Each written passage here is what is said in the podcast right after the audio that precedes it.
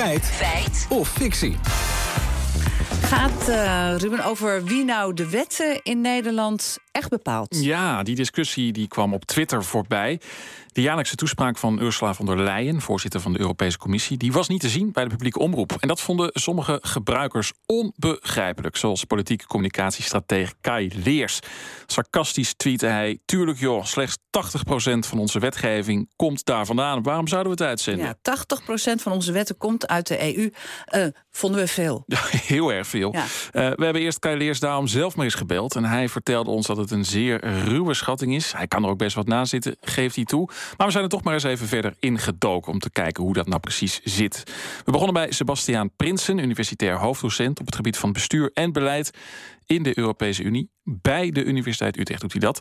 En hij vertelde me dat die 80% al heel lang rondgaat. De oorsprong schijnt te zijn dat ooit, een jaar of dertig geleden, de toenmalige voorzitter van de Europese Commissie, Jacques Delors, heeft voorspeld dat in de toekomst 70% van alle nationale wetten eigenlijk uit Europa zouden komen. En heeft de LOR uiteindelijk gelijk gekregen? Nou, er zijn zeker terreinen waar de EU meer te zeggen krijgt. Maar volgens hoogleraar Europees Recht aan de Universiteit Leiden, Armin Kuivers, die horen we hier. Waar de Europese Unie dingen zegt, dat zijn terreinen die steeds belangrijker voor ons worden. Bijvoorbeeld milieu en energie. Dat zijn terreinen waar de Unie echt bevoegdheden heeft. Maar er zijn ook andere terreinen, zoals onderwijs. En daar is het volledig aan het land zelf hoe ze dat willen organiseren. Bovendien, benadrukt Kuivers, kun je Brussel niet loszien van Nederland. Brussel is ook Nederland. Wat mensen vaak vergeten, is dat een Brusselse wet mede wordt aangenomen omdat de Nederlandse minister voorstemt. Dus het feit dat een regel uit Brussel komt, betekent niet dat, dat Nederland er niks over te zeggen heeft. Maar dan heb je natuurlijk naast wetten uh, nog allerlei verdragen, algemene afspraken die we ook hier in Nederland moeten navolgen en respecteren. Ja, en dat maakt het allemaal erg lastig, zegt Prinsen. Deels is die invloed heel direct. Er zijn Europese richtlijnen en die moeten worden omgezet. Maar Europese invloed gaat ook op andere manieren.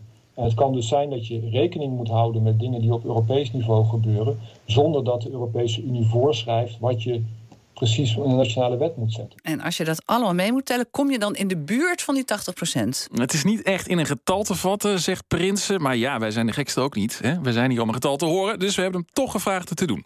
Dat hangt er dus vanaf waar je naar kijkt. En dan nog eh, is die 80 procent zelf nergens op gebaseerd. Het is niet ehm, een getal dat uit een onderzoek komt.